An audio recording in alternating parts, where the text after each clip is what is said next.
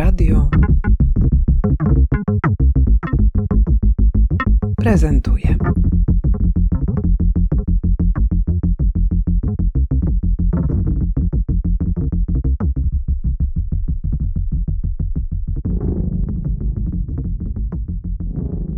Aleksandra Stępień-Dąbrowska, badaczka, popularyzatorka architektury XX wieku. Jesteś autorką książki, która wzbudzała i wzbudza nadal ogromne emocje. I tutaj muszę od razu przyznać, że nie ze względu na swoją zawartość e, w pierwszym rzucie oka, ale jeśli chodzi o tytuł. Znakomity tytuł. Kto go wymyślił? No, e, no cóż, to ja. E, nie będzie zaskoczeniem, chociaż to tak nieskromnie jednak tak, tak, tak, tak, tak się chwalić od samego początku tego. Ale te, najpierw powiedzmy rozmowy. w ogóle, jak brzmi ten tytuł. Jakby luksusowo. To jest cytat z filmu Galimatias, czyli Kogel Mogel 2, Romana Załuskiego. Chodziło mi o to, żeby znaleźć e, jakieś takie sformułowanie, które dobrze podkreśli silny pierwiastek lokalności, który rządził architekturą w latach 90., e, bo przewodnik jakby luksusowo o właśnie transformacyjnej architekturze, znaczy dotyczy transformacyjnej architektury. I to jakby luksusowo wydawało mi się bardzo dobrze też e, zbierać wszystkie wątki, które nagromadziły się podczas mojej pracy badawczej, ponieważ jakby luksusowe są właściwie całe lata 90. To jest taki czas, kiedy mm, bardzo wiele marzyliśmy, ale z realizacją tych marzeń bywało różnie. Kiedy chcieliśmy zrobić coś zachodniego, albo wydawało nam się, że, że zaimportowaliśmy jakiś element zachodniego stylu, no to on był zachodni, ale w takim wymiarze second-handowym, troszkę, e, troszkę już zleżałym, troszkę niemodnym. No i chociażby też w takim bardzo dosłownym rozumieniu, to jakby luksusowo, czy w ogóle luksus w latach 90. rozumiano z jednej strony jako na przykład te gipsowe lwy przed wejściem do rezydencji, ale dla innych to był domofon czy ochroniarz, który pilnował wejścia na nagrodzone osiedle. Więc ta ambiwalencja, te liczne sprzeczności, które rządziły wtedy architekturą, wydaje mi się właśnie dobrze się w tym cytacie odnajdują. Ale myślałam o kolorze tej okładki, bo ten kolor jest ciekawie korespondujący z tym, z tym cytatem, ponieważ ona jest taka łososiowo-morelkowa i trudno sobie chyba wyobrazić kolor tak mało prestiżowy i luksusowy jak właśnie ten. Więc bardzo się cieszę, że, że tu udało się też coś tak drażniącego, tak prowokującego uzyskać. Nigdy to nie miała być próba stworzenia jakiegoś kanonu. Dlatego dobór tych obiektów był z jednej strony łatwy i trudny, bo to są tylko 94 obiekty, ale też mogłam sobie pozwolić na dużą dowolność, znaczy nie ograniczać się tylko do obiektów uznanych albo takich, które już e, gdzieś były ograne, opatrzone, bo ja postawiłam też na takie, które bardziej kierowały naszą codzienność w tamtych latach, kreują ją do dziś zresztą, czyli na przykład Centrum Handlowo-Usługowe Bemowo, czy Oligocen e, w Alei Armii Ludowej. Taką architekturę troszkę marginalizowaną nawet jak na lata 90., więc bardziej chodziło mi o to, żeby pokazać e, różne sposoby kształtowania ówczesnego krajobrazu budowlanego, pokazać różne problemy, które się z, tym, się z tym łączyły. Może rzeczywiście jest tam mało takiej architektury, którą zwykle kojarzymy z latami 90. Och, jakieś dworkowe gargamele czy, czy e, obiekty naśladujące staropolskie dworki. Jest bardzo fajna książka Doroty Leśniak-Rychlach o tej architekturze, więc ja mogłam sobie pozwolić tutaj na powiedzenie stop. Natomiast y, no, musiałam się też ograniczyć właśnie dlatego, żeby znalazło się w tej książce także miejsce właśnie na te inne obiekty. Jest też trochę architektury komercyjnej, sportowej, związanej z szeroko pojętą rozrywką, więc naprawdę starałam się, żeby ten obraz był w miarę różnorodny. Oczywiście musiałam jeszcze wziąć pod uwagę różne dzielnice, różne pracownie architektoniczne, no właśnie różne typy budynków, więc y, no ta łamigłówka była, była dość, y, dość, dość, trudna. Rzeczywiście książka i i Archiwum Warszawy lat 90., czyli ten drugi projekt, o którym mówimy, one się tak fajnie zazębiają. Ja lubię mówić, że uprawiam taki warsztat archiwalno-epitafijny, czyli z jednej strony właśnie tworzymy takie archiwum podstawowej wiedzy o tych obiektach i na stronie Archiwum lat 90. można znaleźć na razie 383 obiekty. Znowu bez jakiegoś wartościowania, bez podziału na dobre i złe, ale po prostu pokazujące ogrom tego, ile się wówczas budowało, będące takim wstępem do do dalszej dyskusji. No i z drugiej strony mamy te epitafia, czyli próbę wniknięcia trochę głębiej w to, e, dlaczego coś stoi w tym miejscu, dlaczego coś tak wygląda, czy to postmodernizm. I tym ma być właśnie jakby luksusowo. No cóż, ja, ja podejrzewam, że po e, dłuższym namyśle pewnie tych obiektów mogłabym dać jeszcze więcej do, do przewodnika, natomiast e, oczywiście względy redakcyjne tutaj też musiały odgrywać e, ważną rolę. Jak mi się to udało? No, troszkę już o tym opowiedziałam. Te, tych, tych podziałów musiało być naprawdę sporo. Musiałam wziąć pod uwagę bardzo wiele różnych czynników, żeby te obiekty były w miarę różnorodne. No, troszkę też e, oczywiście było w tym subiektywnych wyborów, ponieważ. No właśnie, no, czy jesteś złośliwa, czy jesteś e, łaskawa, czy jesteś zafascynowana tamtym czasem? Ja absolutnie wykluczam to, że jesteś zimną badaczką. Na pewno masz jakieś emocje wobec tego tematu.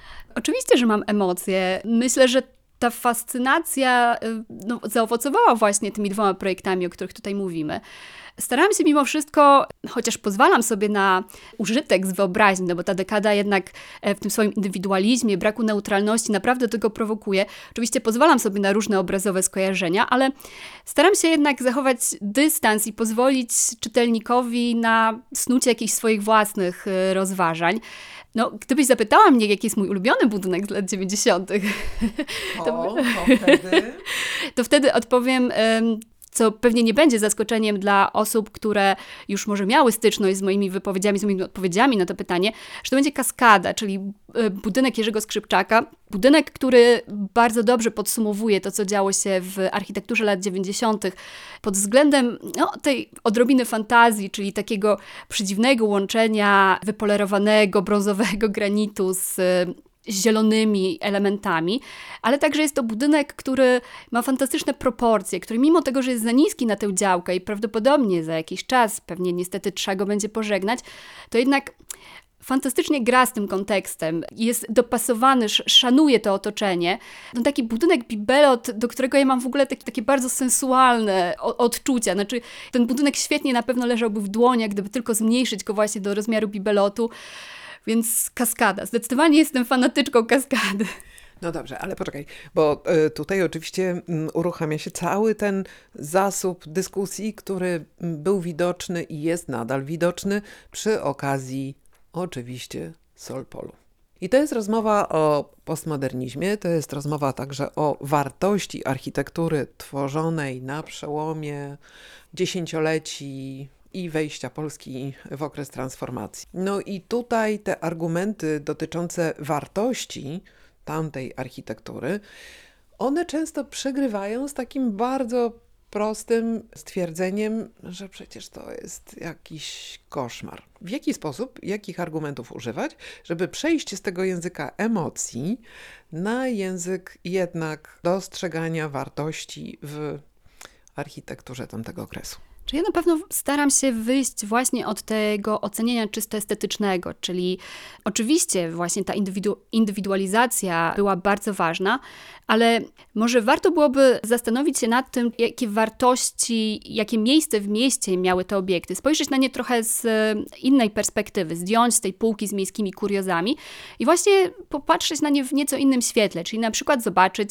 jak Hotel Sobieski świetnie dopełnia ten fragment Placu Zawiszy, jaki, jaką tworzy e, fajną, taką, taką troszkę pierzejową zabudowę. Jak na przykład Ilmet też fajnie współgra z okoliczną zabudową, mimo tego, że jest wysokościowcem, to jednak jego te niższe części dobrze grają, on także fajnie jest zwrócony w kierunku ronda. To są takie wartości, które może nie, nie dostrzegać na pierwszy rzut oka. Człowiek skupia się właśnie na tych dziwnych, teatralnych dekoracjach hotelu albo na tym, no, już troszkę niemodnym kostiumie stylistycznym Ilmetu, ale wydaje mi się właśnie, że, że, że, że mówienie o tym w ten sposób może przynieść dużo korzyści. Na pewno nie ma chyba jeszcze ciągle takiej powszechnej wiedzy na temat właśnie tego, co to jest postmodernizm, jak objawia pojawiał się w, w architekturze, czy wszystko w latach 90., po 89 roku, to na pewno postmodernizm, więc musimy tutaj zacząć od podstaw. Ale wydaje mi się, że ta dyskusja jest już dużo dojrzalsza, dużo bardziej świadoma. Jak w 2015 roku, jak miałam takie oprowadzenia um, po Warszawie pytałam uczestników spacerów, jakie budynki postmodernistyczne w Warszawie kojarzą. To oczywiście cisza, później ktoś, no właśnie, może telewizja, może hotel Sobieski. To było bardziej takie wytukane niż, niż, niż w pełni świadome. A kiedy teraz oprowadzam, to mam wrażenie, że no, obcuję już z ludźmi, którzy podchodzą do tej architektury bez uprzedzeń. Naprawdę chcą się o czymś dowiedzieć, chcą zrozumieć, skąd te formy, skąd y, obecność danego, e, nie wiem, tak, danego budynku w mieście, e, co nie znaczy też, że tych kontrowersji, tych bardzo takich, no, bardzo wyraźnych opinii e, nie ma. One, one są cały czas, tylko coraz mocniej są równoważone właśnie przez te głosy bardziej świadome. A powiedz Ola, jak ten luksus y, lat 90. się sprawdza? Jak on się starzeje? Czy to jest takie, wiesz, patynowanie, że z czasem nabiera no właśnie jeszcze więcej tej luksusowości? Jak to z nim jest? Niełatwo z nim jest, dlatego że no to jest architektura bardzo mocno zanurzona w tych niedostatkach pierwszych lat y, transformacyjnej rzeczywistości. I oczywiście tak można powiedzieć o każdej architekturze, że ona bardzo mocno odzwierciedla ekonomię, która rządziła okresem, w którym powstawała. Natomiast y, akurat to, co działo się w Warszawie po 1989 roku, no było takim okresem przejściowym, kiedy z jednej strony architekci wchodzili z z pewnym bagażem doświadczeń wniesionym z lat 80. To były zarówno dyskusje dotyczące postmodernizmu, no ale też pewne braki technologiczne, związane z umiejętnościami, takie braki warsztatowe. E, nie było materiałów, albo one były w takich cenach, że no, nie zawsze można sobie było na, co, na, na to pozwolić. Wiadomo było jedynie, że trzeba budować troszeczkę inaczej, jak można tutaj posłużyć się z cytatem z Jakuba Wójka. No i starano się z tego bardzo ograniczonego zestawu klocków coś ulepić. No, dzisiaj jedne budynki starzeją się dużo lepiej, inne, no niestety, pod względem czysto estetycznym, ale też właśnie materiałowym czy, czy, czy tożsamościowym trochę gorzej. Co ciekawe, chyba widzimy właśnie, że jest z drugiej połowy dekady, nawet jeżeli są bardzo mocno w kręgu praktyk postmodernistycznych, czyli na przykład Biblioteka Uniwersytecka, może także Sąd Najwyższy, no, stanowią obiekty, które chyba dużo łatwiej nami oswoić. No na pewno te braki materiałowe, na pewno te trudności technologiczne to jest coś, co sprawia, że do architektury lat 90. musimy podchodzić trochę inaczej. I ona wymyka nam się temu zwyczajowemu rozumieniu, nie wiem, myśleniu o architekturze w kontekście ikon czy zabytków. No tutaj mamy raczej do czynienia z ikonami transformacji, nie z ikonami architektonicznymi w takim bardzo mm, obiektywnym znaczeniu tego słowa.